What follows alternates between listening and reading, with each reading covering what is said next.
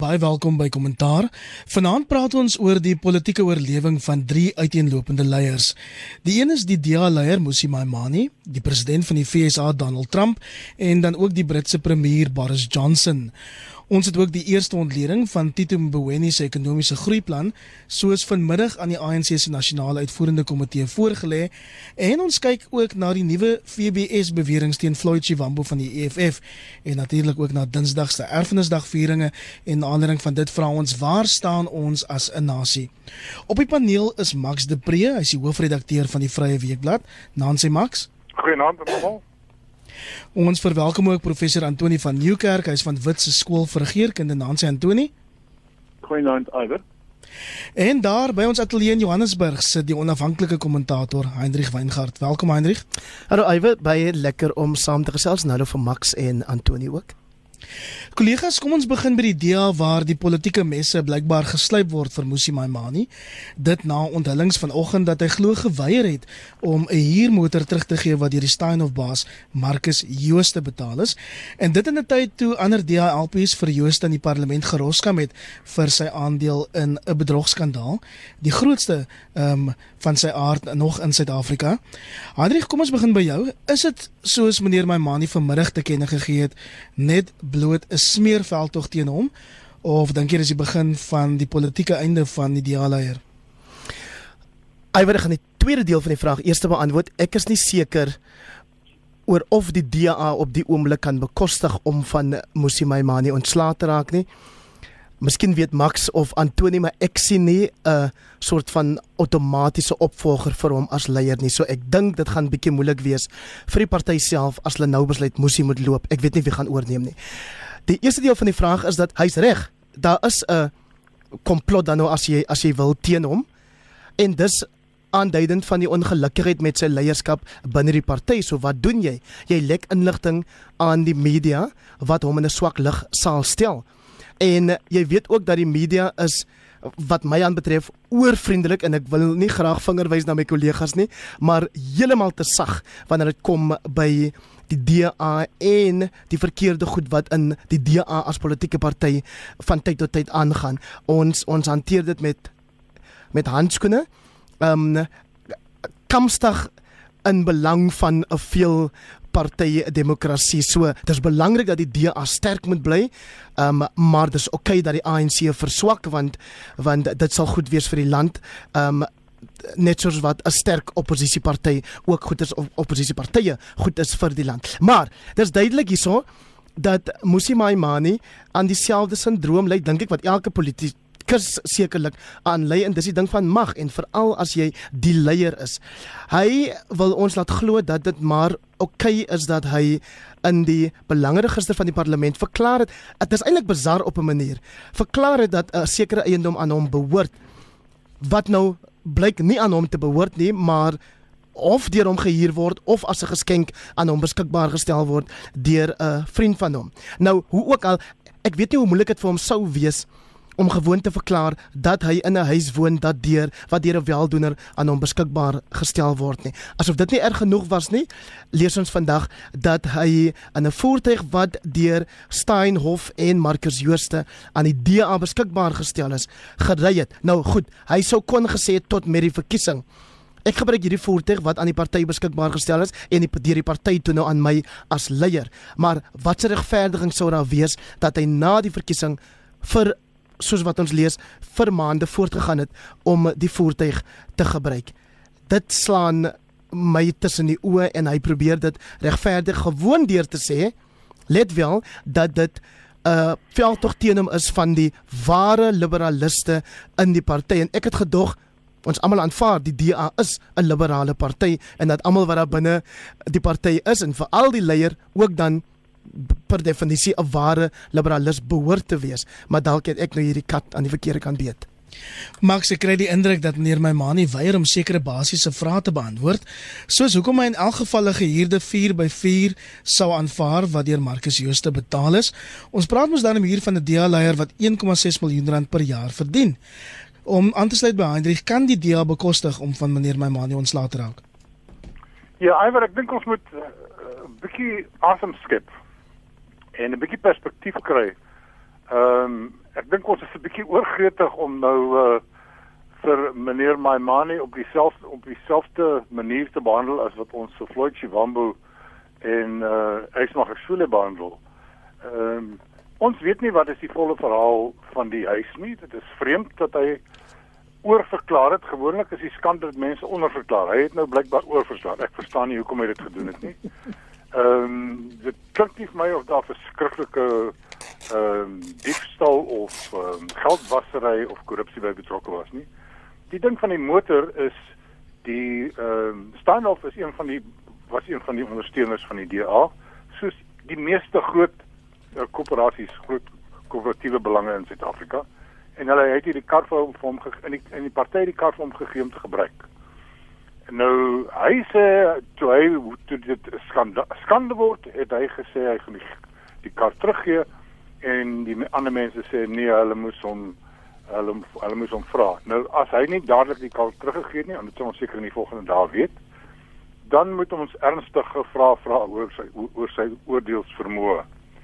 Maar dit is so dat hierdie goed is 'n baie sterk ehm um, swartsmeerdery van meneer Maimane daar is geen twyfel daaroor nie dat daar 'n beweging in sy party is wat wil hê wat hom wil swart smeer en hulle plant al hierdie goed op vir al rapport. En rapport neem baie aktief deel deel aan die aan die swart smeer van my money en en mense soos Pomzele van Dam. Wat ek dink is effe onbehoorlik om op daai manier in die kleinlike ehm uh, gevegte van die, die van die DA betrokke te raak. Maar die uiteinde van die saak is meneer Maimane se leierskap is verswak. Uh ek dink nie ehm uh, um, hy het die gravitas in elk geval gehad sover om on, ons moeilike om politieke uh omgewing uh kragdadig en sterk te kan lei nie. Maar ek dink hy word baie verswak. Maar nou ja, soos Hendrik vra, wie is die opvolger? Nou ek net vir uh, dalk vir Hendrik net reg help en sê daar is klassieke liberale of oudstyl liberale in die DA en dan staan progressiewe liberale in die DA. en Pumzile van Dam en mense so daai is van die uh, progressiewe liberale en dan staan ook oh, kom ou Engelssprekende mans. Uh en hulle is die die uh, die die selle faksie, die ou mense uh, die ou styl liberale. So dis maar dit kan dalk 'n bietjie kansmatig maar dit is die verdeling daar en hoe hulle wil sal graag wil sê dit maak nie saak dit mag nie saak maak wie watter kleur die nuwe leier is nie. Maar die feit van die saak is dit maak saak. As die DA sy produk wil bemark gaan hy baie moeilik nou kon kom en sê hier is nog 'n 60 jarige wit afrikaner man of 'n Engelssprekende man wat die party gaan lei. So ehm um, Musi Maimane is eintlik by default gaan hy maar die leier moet bly. Antoni, is jy my manie drama volgens jou 'n storm in 'n teekoppie en wie sien jy as 'n logiese moontlike opvolger vir hom? Hm, kom Zille van Dam. Nee, Antoni. Waarom nie? okay, laat ek 'n paar ander op. Sy moet 'n bietjie emosionele intelligensie eens aanleer. Okay, so die eerste ding wat ons leer uit hierdie drama, wat 'n storm in 'n teekoppie is, ons kom agter op die harde manier dat daar omtrent nie 'n politieke party of 'n politieke leier of 'n of 'n politikus wat skoon is en 100% eerlik is nie. Uh en dis nou maar die realiteit van die Suid-Afrikaanse politiek. Die tweede een is ek, ek wonder Max of dit 'n swart smeer veldtog teen Musi is. Dis amper om soos te sê, jy weet daar's 'n swart smeer veldtog teen ys aan die gang. Of die Zondo-kommissie is besig om mense swart te smeer. Uh ek dink wat hier aan die gang is is uh die waarheid word ontbloot. En Musi Maimane met pa staan vir hierdie tipe van besluite swak oordeel wat hy aan die dag lê. En ons kom nou agter dis this is the measure of the man. Maar op die keper beskou uh, sit die DA om te dilemma want wat maak hulle met hierdie ontblote leier van hulle? Uh kan hulle hom weggooi of kan hulle iemand anders in sy plek stel en indien wie moet dit een van die twee faksies wees, die ou wit liberale of die meer liewer swart progressiewe liberale. Ek sou sê die tweede kamp staan sterker elke dag, maar hulle het ook, ook nog nie met 'n goeie kandidaat na vore gekom nie. wat wat emosioneel sterk kan staan in die vuur van die Suid-Afrikaanse politiek nie. So dis waar ons nou staan. Ek het so vermoed hierdie ding gaan redelik vinnig oorwaai. Want daar's ander politieke issues op die agenda wat baie groter is. Ek is heeltemal seker of dit so vinnig gaan oorwaai. Nee, as ek net kyk, rapport het al verlede week in 'n hoofartikel be, homself begin gereed maak vir die toekoms na Mose Maimani. Heinrich, ek gaan jou vra om saam te vat voor ons aanbeweeg na ander nuus. Iwer, ek moet my belange verklaar. Ek skryf 'n rubriek vir rapport. Ek skryf ook artikels vir rapport, maar ek is nie hier om rapport te verteenwoordig nie. Dit is dit maak my ietwat ongemaklik dat my grootbroer Max eh, eh, die reken dat rapport meedoen aan een of ander veldtog teen Musi. Ek weet nie of hy sy verwagting was dat die die berigte nie geplaas moes word nie. Maar miskien moet ek dit daar los en dan hierdie vraag vra. Sou ek in Antoni en Max vanaand dieselfde geklink het as hierdie uh, ANC of enige ander party leier was wat van hierdie goed beskuldig word? Wel, as dit Max, uh, dit ANC leier was, het ons nie gedink dis nuus nie want dit sou van standaard. nee man. Ons ons ons ons uh, ons standaarde is 'n bietjie hoër as by ander politieke partye kom. Ehm uh, nee, ek het vanaand regstel. Uh, dit is natuurlik 'n moeilike besluit wat ek vir jou kan sê oor dekades in journalistiek wat mense moet maak. As jy agterkom uh, soos wat hier bes, beslis gebeur, daar is 'n klompie mense as 'n caucus binne in die DA wat besluit ons gaan sielkundige oorlogvoering voer teen Musi Maimane en sy vleuel. En kom ons lek nou hierdie goed. Dit is dalk as waar. Maar dit bly nog steeds 'n veldtog.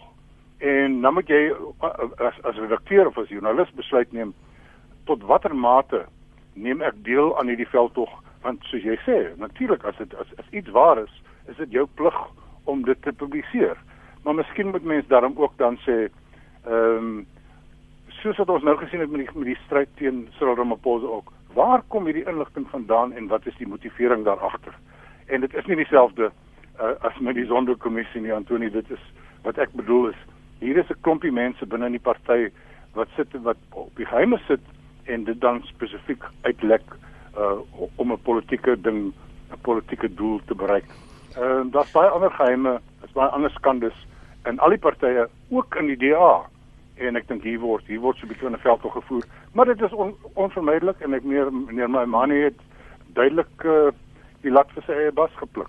Ai maar so, as ek ons gaan moet aanbeweeg ongelukkig um, anders gaan sy by die ander stories uitkom hier. 'n Man wie se politieke toekoms verseker veilig is, wel ten minste binne sy eie party, is die EFF wat jong president Floyd Shivambu. Hy het gewoon die Mail and Guardian bevestig dat hy sy luxe Range Rover gekoop het uh, met geld wat van FBS Mutual Bank ontvang is, 'n bekentenis wat hy intussen weer ontken het op sosiale media. Antonie, jy sal onthou dat die Reservebank vir hierdie jaar gesê het dat meneer Shivambu of sy maatskappy iets so 16 miljoen rand van FBS gekry het. Jou reaksie? Ja, ehm um, is dit Paulie van Wyk wat hierdie stories vir ons wat hierdie uh, uh, ongewikkelde saak vir ons uitrafel en en on, ontlont of ontrafel as ware. en ek moet sê dit lyk redelik ingewikkeld en die saak sal waarskynlik in die hof gaan draai wie skuldig hier of wie nie. Maar uh, ek dink die groter prentjie vir my is dat uh dat die leiers van die EFF oënskynlik uh aan die kant staan van die onderdruktes en die armes en die mense wat nie het nie en dat hulle beleid en hulle politiek gerig is daarop om die om die land se politiek en ekonomie so om te draai dat die wat nie het nie iets moet kry. En dan uh vind ons uit dat die leier van die EFF van hierdie beweging uh gebruik maak van die produkte van die wat het. So dit lyk amper asof hulle staan aan die kant van die die bevoordeeldes. En ek dink dit is 'n paradoks want uh, ons het al voorheen hieroor gesels van die simbole van van 'n uh, suksesvolle politici is 'n groot horlosie, 'n groot kar, 'n groot huis en al hierdie tipe van goederes wat dan soort van goed lyk onder die ondersteunersgroep of jy aan die linkerkant of aan die regterkant staan. So dit lyk vir my Floyd uh dit lyk vir my asof hy sal moet verduidelik waar hierdie dier kar vandaan kom en die geld vandaan kom maar of hy gaan skade ly by die stembus of by sy ondersteuners dit betwyfel ek. Wel, hulle is op die rekord om te sê dat hulle nie gaan verduidelik nie. Heinrich ons moet hier krediet gee vir die Daily Maverick se Skopje ondersoekspan. Ek stem saam hulle hou eenvoudig nie op met grawe nie. Hoe lank nog voor die nasionale vervolgingsgesag gesag 'n skuif gaan maak?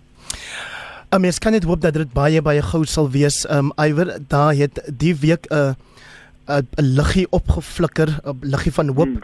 toe die tribunaal of toe die ehm um, wat sê mense nou die uh die regulasies of die ja vir die tribunaal wat moet ondersoek instel na al hierdie beweringe wat ons kry uit die staats ehm um, die kommissie van van ondersoek na staatskaping en ander ehm um, voor uh, voorvalle van korrupsie op hierdie vlak veral ook wat jou WBS Mutual Bank aanbetref.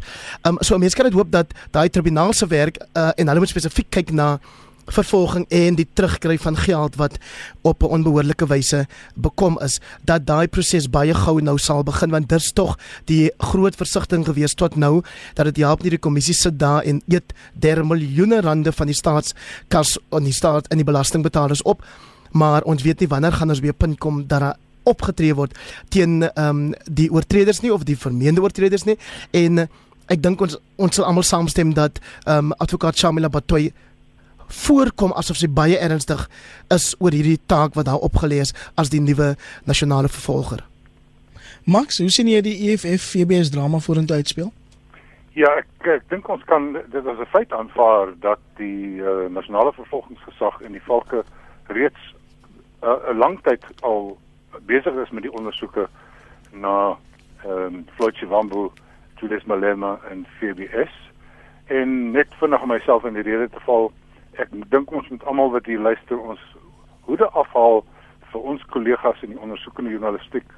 Uh Paulie van Wyk by uh, by uh, Daily Maverick, uh Stefans Brummer hulle by Amabongane, die mense by News24 en ook oor die oor die spesifieke Flochivambu Range Rover storie die Mail and Guardian. As ons ondersoekers en ons vervolgers maar so aktief uh, en so vindingryk was soos ons joernaliste so ons al 'n paar 'n paar mense in in oor aan die oorpakke gesien het. Ek dink uh, dit is onvermydelik ehm um, dat die hofsaak gaan kom oor FBS. Uh, nie net uh, Floyd en en nie net Floyd nie maar ook Julius Malema. Maar ons moet ook onthou dat die uh, nasionale vervolgingsgesag ondersoek ook die 2012 bevindinge van die gewese openbare beskermer Tuli Madonsela dat uh, Julius Malema uh, onregmatiglik gebaat het by tenders vir sy maatskappy On Point Engineering van die Limpopo Fire Departement. En uh, dit het in die hof gaan draai en toe was daar 'n tegniese klein dingetjie en toe word die saak uitgestel en toe word dit nooit weer hervat nie. Maar dit was toe son Abrams aan beheer was. So hierdie goed kom op die die die die EFF gaan 'n bestaanskrisis in die Oos-Staar uh, ek kan nie sien dat dit dat hierdie sake langer gaan duur as na die einde van volgende jaar nie. En as net 'n kwart van die beweringe waar is, dan gaan al twee hierdie here ehm um, die minimum vonnis onder die betrokke wetgewing kry wat 15 jaar is. En ek is bevrees die die EFF is so bietjie soos Unita uh wat om se Wimby se persoon gebou is en toe hy weg is, dis Unita ook min of meer daarmee heen. Ek kan nie sien dat die EFF 'n krag gaan bly ehm um, sonder Malema nie en as jy nog Sumambo ook nog wegvat nie. So die, ek dink dit is 'n baie belangrike ding. Dis 'n belangrike fase waar ons nou in staan. Want dieselfde geld hier vir Ys Magashule. En daar is soveel prima facie getuienis ehm um, vir die sonderkommissie uh, Pieter Lemeyburg se boek en uh, die ondersoek word word uh, is in 'n gevorderde stadium so voor die einde van volgende jaar gaan meneer Magashule dalk ook in die hof sit. Ehm uh, so dit wat ons as gewone burgers al voorskreeu vir vir 2 jaar is is besig om te gebeur is kan ons die skelms 'n slag voor die hof sleep. En 'n oranje oorpak gesien, verkieslik almal in dieselfde tronk. Antonie, ek sien meneer, meneer Malema het vandag 'n dwarsklap uit Zimbabwe gekry van alle plekke waar ZANU-PF na hom verwys het as a small boy who does not understand regional politics. Wat maak jy daarvan? Sure. Ja, dis 'n verdere kompleksiteit. Eh uh, uh, Julius het in Botswana ook 'n klomp goed gaan staan en vertel en ons self ongewild gemaak by die regering. So ek ek dink wat hier aan die gang is is dat ehm um, uh, jy weet daar's baie spanning in Zimbabwe ook binne in die regerende party ZANU-PF. Uh, en dis daarom 'n ironie is dit nie dat ehm um, dat daar 'n regime change van binne in af plaasgevind het. So die generaal het ontslaag geraak van Mugabe en en watter uh uh treurige dood en uh, uh, uh, legacy laat hy agter terwyl Mnangagwa wat ook 'n generaal is of 'n militêre man wat ook deelgeneem het aan aan vergrype van die verlede nou die hoof is en Julius speel die dinge bietjie teen mekaar af en staan aan die kant van uh, van van Mugabe en sy vrou en die huidige regering hou nie daarvan nie want uh, daar is 'n onverzoenbare spanning tussen Mugabe en sy agterbly af, agtergeblewe ondersteuners en die van Mnangagwa en sy ondersteuners. En Julius het nou gaan krap tussen hierdie twee kante en uh, nou kry hy 'n klap of hy kry 'n pak slaag van Mnangagwa en sy mense en ek dink weet jy die die Zimbabwese politiek kan genadeloos wees en uh, en wreed en gewelddadig en 'n uh, uh, mens moet twee keer dink voordat jy uh, jouself gaan begeef op daardie terrein. Antonie, ek wil graag vir jou vra. Hmm. Ehm um, ek net daai punt klaar maak. Dit sou beter sou beter wees vir Julius om terug te kom Suid-Afrika toe en sy probleme hier te uh, te sien uitspeel. Ja, kan ek kan ek aankom vanaf? Asseblief. Ehm um, ek, ek wil jy uh, vir Antonie ook sy sy mening vra. Ehm um, dit lyk vir my half of of uh, Julius Malema 'n uh, strategiese fout gemaak het. Hy het die dood van Robert Mugabe probeer gebruik soos wat hy die dood van Winnie Mandela probeer gebruik het as 'n oomblik om op die dak te gaan staan en skreeu uh en homself um, aan te prys. Ja. Maar my gevoel is net die ding met Mugabe is besig om op hom te boomerang. Want hy is van sy eie ondersteuners wat elke dag van hulle lewe saam met Zimbabweërs lewe in Suid-Afrika. En daai mense sê vir hulle hoekom is hulle daar weg? Ehm uh, ja. almal weet die inflasiekoers in Zimbabwe is 300% en die werkloosheidssyfer is 95%. En vir hom om nou te kom sê hier is die groot simbool en toevallig het, het Thabo Mbeki ook die verskriklike fout gemaak. Hier is die groot ja. simbool van die trotse Afrika bevryder. Ek dink nie die oomblik was reg daarvoor nie. Ek dink dit boemerang op hom en dit wys hom onder sy eie volgelinge uit as opportunis. Antonie Cortex. Ja. Ja, ja, Iver ek stem saam en Maxie lees my gedagte. Dis presies hoe ek daaroor dink. Ek dink Tabo 'n bietjie het ook as het 'n fatale ding gesê 'n paar dae terug. Hy ken geen Zimbabweër wat ehm um, wat nie van Mugabe gehou het nie. Ja. Uh en dit iemand slim gesê hy moet net saam met 'n paar Uber bestuurders hier in Johannesburg gaan rondry om te ja. hoor wat Zimbabweër dink van die uh, van die uh nalatenskap van Mugabe. So ek dink uh Julius het 'n fout gemaak en hy sal op 'n stadium duur betaal daarvoor. Daar's ek kan ek vinnig sê Iwer, ek sal dit net in een sin sê. Daar's nog 'n versigtiging onder groepe in Suid-Afrika aan die linkerkant of aan die linker nasionalis as swart Afrika nasionalistiese kant uh ongeag van politieke party, 'n versigtiging na 'n 'n 'n 'n 'n gesagsfiguur, 'n leier, uh iemand wat ons uit die land van uh hongerte en en dors kan kan lei na Kanaan toe en uh, hulle gryp terug na die simbole van die verlede en hierdie is nou 'n voorval wat ek dink wat op daal wys. As jy sopas by ons ingeskakel het, dis kommentaar regstreeks op RSG. Ons het reeds die nuwe woelinge binne die DA en die EFF bespreek en bekyk volgende die ANC waar Tito Mboweni vandag 'n spesiale vergadering van die nasionale uitvoerende komitee toegespreek het en dit oor sy regrukplan vir die ekonomie. Heinrich, dit klink of die minister van finansies toe die ANC van sy plan kon oortuig. Iwer en indien dit so is, dan dink ek is dit goed vir die hele land. Jy sal onthou dat toe hierdie uh, plan uh, openbaar gemaak is vir kommentaar van verskillende sektore in die samelewing, is dit baie positief ontvang. Nou natuurlik in Suid-Afrika as jy so 'n plan bekend maak, dan is daar die van ons wat onmiddellik sê ja, maar gaan jy dit uitgevoer kry. Nou nou laat ons eers stil staan by by hoe daai plan saamgestel is baie kenners ekonome het gesê dis ook nie werklik alles nuut nie um, maar ek dink dit was dapper van Tito Mboweni om dan terug te keer na van daai idees of planne wat al sover terug aankom as die nasionale ontwikkelingsplan en om dit deel te gemaak het van hierdie nuwe groeiplan.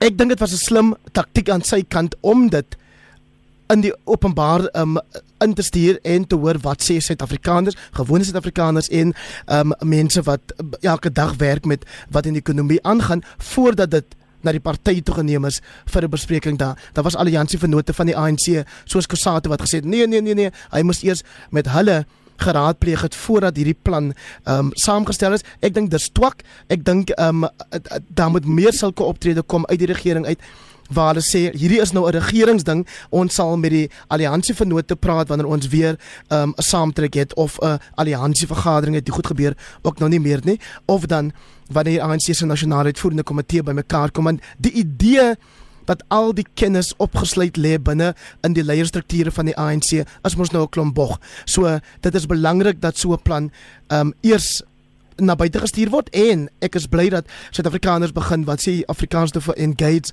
begin engage met hierdie plan um, sodat daar hopelik 'n bietjie druk op die ANC se NK was toe Tito die naweek daar aankom um, dat hy kon wys kyk net hoe positief is dit ontvang nie net plaaslik nie maar ook deur internasionale organisasies wat 'n uh, besorgdheid het en uh, wat 'n uh, belang het by Suid-Afrika se ekonomie. So ek dink as dit wel die geval is dat hy die NK kon oorwen, is dit ehm um, rede om haleluja te sê. Max, ek wil jou vra om daarbey aan te sluit, maar dit is ook vir my duidelik dat meneer Mboweni ehm um, keelvol is vir staatsbeheerde ondernemings wat hy vandag uh, volgens sy toespraak as 'n massiewe risiko vir ekonomiese stabiliteit beskryf het. Ehm um, jou reaksie en dan hoe sien jy sy plan met staatsbeheerde ondernemings? Ja, ek dink dit is die oomblik van waarheid uh vir die vir die ANC met die nasionale uitvoerende komitee vergadering wat op die oomblik aan die gang is.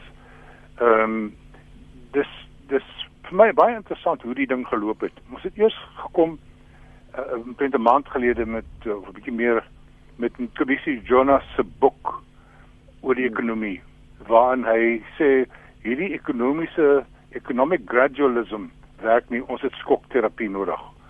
Uh, ons het ontwrigting, konstruktiewe ontwrigting nodig het hy geskryf.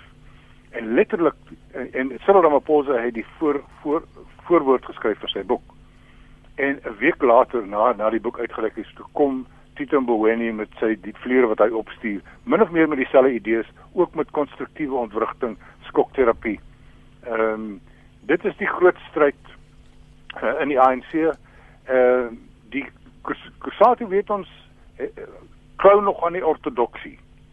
Ehm um, die SAKP vir wat dit werd is, uh Solima Paila klou in die ortodoksie, Blydense Mande eh, eh, draai sy mantel na die wind want hy is nie Ramaphosa faksie. Ehm um, en Magashule en en die EFF het min of meer dieselfde soort van standpunt wat hierdie goed betref. So dit is die dis die punt nou waar Cyril Ramaphosa en mense soos Tito Mboweni met hulle rug styf maak en sê dis nie business as usual gaan vir ons bankrot maak binne die volgende jaar en dit gaan swaar gevolge hê. So ons moet hierdie radikale goed begin doen. Eerste ding wat hulle moet begin doen uh, is om Eskom in 3 op te breek. Ehm um, dit gaan blykbaar hierdie week uh, aangekondig word. Die tweede ding wat uh, wat ek weet Pieter Mboweni voel sterk oor is hoekom moet ons nasionale lugdiens sê dit lewer geen diens aan die gewone mense nie. Ehm um, en daar's ook 'n gedagte dat die SABC 'n paar van sy uh, radiostasies moet verkoop soos uh, 5FM en Metro FM wat baie baie miljoene werd is, is baie waardevolle radiostasies, maar dit is nie deel van die kern ehm um, opdrag van 'n openbare uitsaaier soos wat RSG byvoorbeeld is nie. RSG kan jy tog nooit verkoop nie. Dit is deel van die openbare uh, diens wat die SAIK moet lewe. Ek ek is nie seker of uh, al die goed wat ons in Tito Mboweni se dokument gesien het uh, tot vrug gaan kom nie. Ek dink hy daar gaan so 'n bietjie uh, geen neem wees. Maar as ons nie aan die einde van hierdie week, ek dink hulle het gesê hulle gaan Woensdag vir ons 'n volledige uh, uit uiteensetting gee van wat ja. bespreek is. As hulle dit nie Woensdag as hulle nie Woensdag vir ons 'n 'n duidelike koersverandering uh, aandui nie, dan dink ek moet ons diep bekommerd begin raak. 'n Duidelike koersverandering wat selfs volgens die Mboweni plan private mededingers vir Transnet en Eskom insluit ja. en dan ook beleidsveranderings om landbou en toerisme te bevorder. Antoni, hoe sien jy dit? Weet jy alwer ehm um, ek wil sommer dan net so van haleluja sê. Maar ehm um, uh, ek het so 'n bietjie deur die plan gelees En uh daai ses temas kom maar uit die nasionale ontwikkel, nasionale ontwikkelingsplan uit wat mense kan sê intussen misluk het en hopelik word nou hard gewerk agter die skerms aan 'n nuwe een. En en daai boek waarvan Max praat van disruption, creative disruption. Uh skokterapie. Ek ek stem saam, dit kan tog nie wees dat hierdie ekonomiese krisis en hierdie hoë vlakke van werkloosheid deur 'n uh, plan uh, uh opgelos gaan word wat nie regtig kreatief is en wat maar soort van wat is die woord wat ek soek stapsgewyse uh uh aandag wil gee aan die probleme nie. Ehm um, so ons sal teen Woensdag weet of daar 'n of daar 'n inderdaad 'n dieper liggende uh aanspreek van die krisis gaan wees al dan nie. Uh ek het 'n die, die, die probleem wat ek probeer uitlig is dat uh die regering en die president en sy raadgewers en die mense naby aan hom maak die hele tyd voorstelle vir hoe hierdie krisis opgelos moet word, maar dit klink nie altyd na dieselfde uh, voorstelle wat in een rigting gaan nie. Ons het nou gehoor van die aanstel van 'n paneel van ekonome wat moet help om uh, die ekonomiese krisis aan te spreek. Die nasionale ontwikkelingsplan word her, herskryf uh, ons het nou hierdie plan van die nasionale tesorie. Ons het 'n boek van 'n minister. Uh en wat ek eintlik wil hoor aan um, Iwer is die president van die land wat sê ons beweeg hierdie ekonomiese krisis en die hoë vlakke van werkloosheid en armoede en ons groeiende ongelykheid en misdaad wat daarmee saamgaan dus ons dit gaan aanspreek en hy gee vir ons 'n beleidsrigting wat al hierdie losgoeters waarvan ons nou praat vanaand saam intrek in 'n koherente plan. Daai daai in uh, in een gewefte plan sien ek nog nie op die tafel nie. Ek dink nie ons, ons is nog uit die krisis uit nie. Ons praat beslis dan weer volgende Sondag aan daaroor op kommentaar.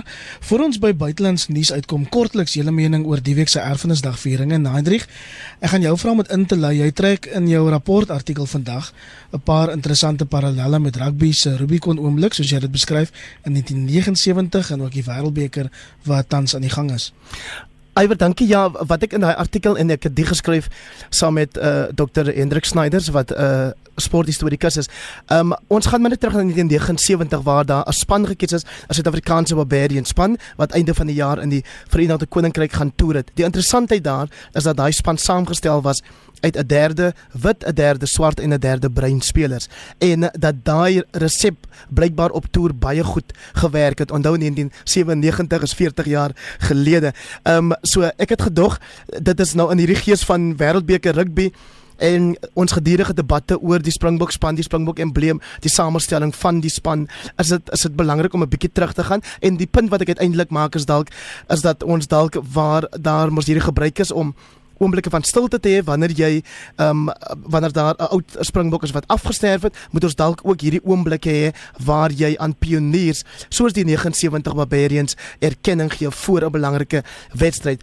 Maar dan wat erfenisdag self aanbetref, wat vir my interessant dat taal 'n baie sentrale tema was en dit het jy gehoor in uh, Dr Pieter Groenewald van die VF+ se toespraak waar hy sê die ANC um, is besig met 'n aanslag op hierdie taal en dan sê hy vir ons 'n taal wat nie soos wat die ANC en die EFF dalk glo um, wat mense taal is nie maar deur uh, wat 'n meerderheid breinsprekers het.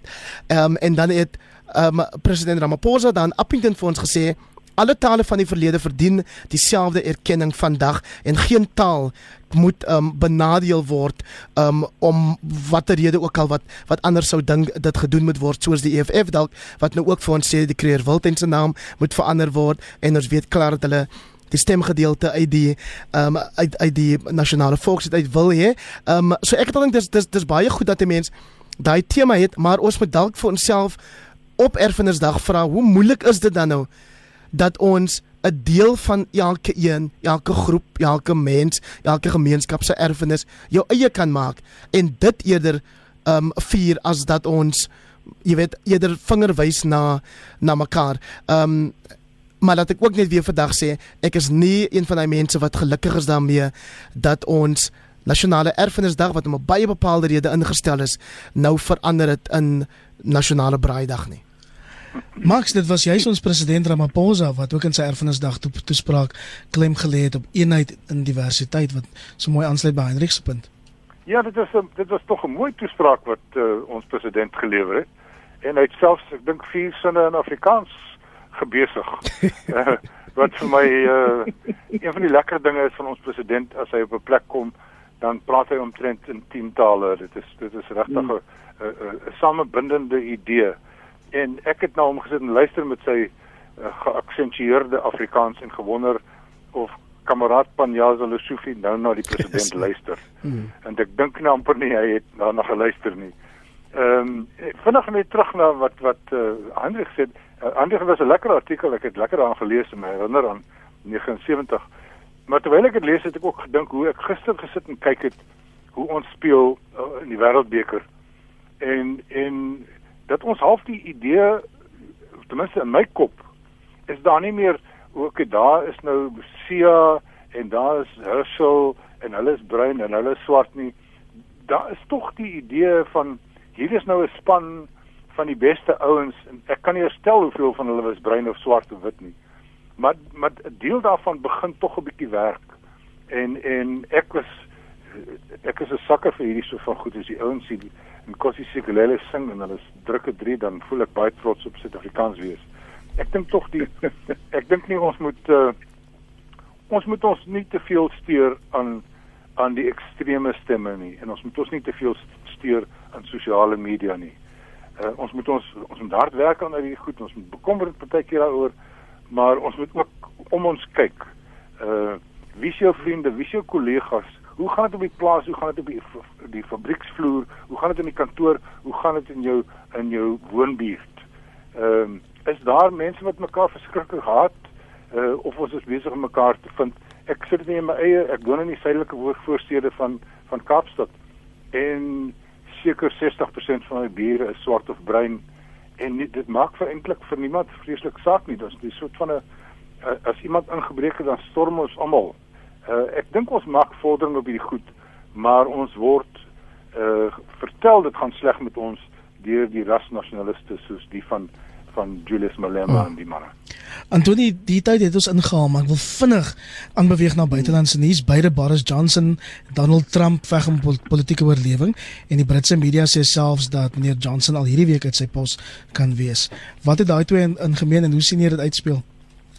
Ja, so as, as jy nie omgee nie met my terugnooi vir 'n ander aand dan gaan ek ook my tyd daar lewe oor Afrikaans en asseblief gelukkig praat ek gaan jou. filosof, filosofeer oor rugby kyk en so en dit is baie lekker. Maar kom weet jy uh, of Boris Johnson oorleef of nie dit lyk vir my die coolest deur die kerk en die en die die Engelse gaan uit uit die EU uitstap en dit gaan 'n nou deal Brexit wees en ek dink dit gaan 'n klomp skade veroorsaak.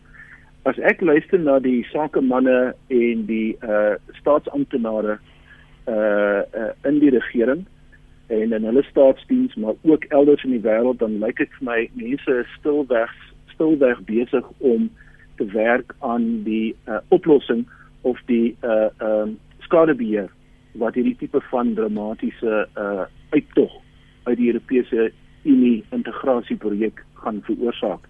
So Boris Johnson is is baie lekker om in die aande te kyk TV na BBC hoe hy hoe hy op in die parlement ehm um, ernstige taal gebruik of na Trump wat uh, wat nou skreeuend van woede is oor wat die demokrate besig is om aan hom te doen. Maar ek dink uh, wat die Engels aan betref, dit lyk my hierdie hierdie paadjie loop met hierdie hierdie uitslag lyk my is onvermydelik en uh, dit mag wees dat Boris een van die korttermyn uh premiers of hoe sê mens eerste ministers um in die geskiedenis gaan wees. Wat Trump aan betref, dit is 'n ander drama wat 'n mens jy soort van jy kan jouself nie losmaak van wat in uh, die Amerikaanse politiek besig is om plaas te vind nie en dit kan juis wees dat dit die begin is van 'n baie lang proses van impeachment of 'n staat van beskuldiging en dit mag dalk wees dat ons die begin van die einde van die Trump uh hegemonie hegemonie sien. Dis ongelukkig waar ons vanaand gaan moet haltroep op kommentaar. Baie dankie Max de Pre, is hoofredakteur van die Vrye Weekblad. Ons het ook gepraat met professor Antoni van Nieuwkerk van Witse Skool vir Regeringskunde en die onafhanklike kommentator Hendrik Weingart. My naam is Iver Price. Mooi week verder.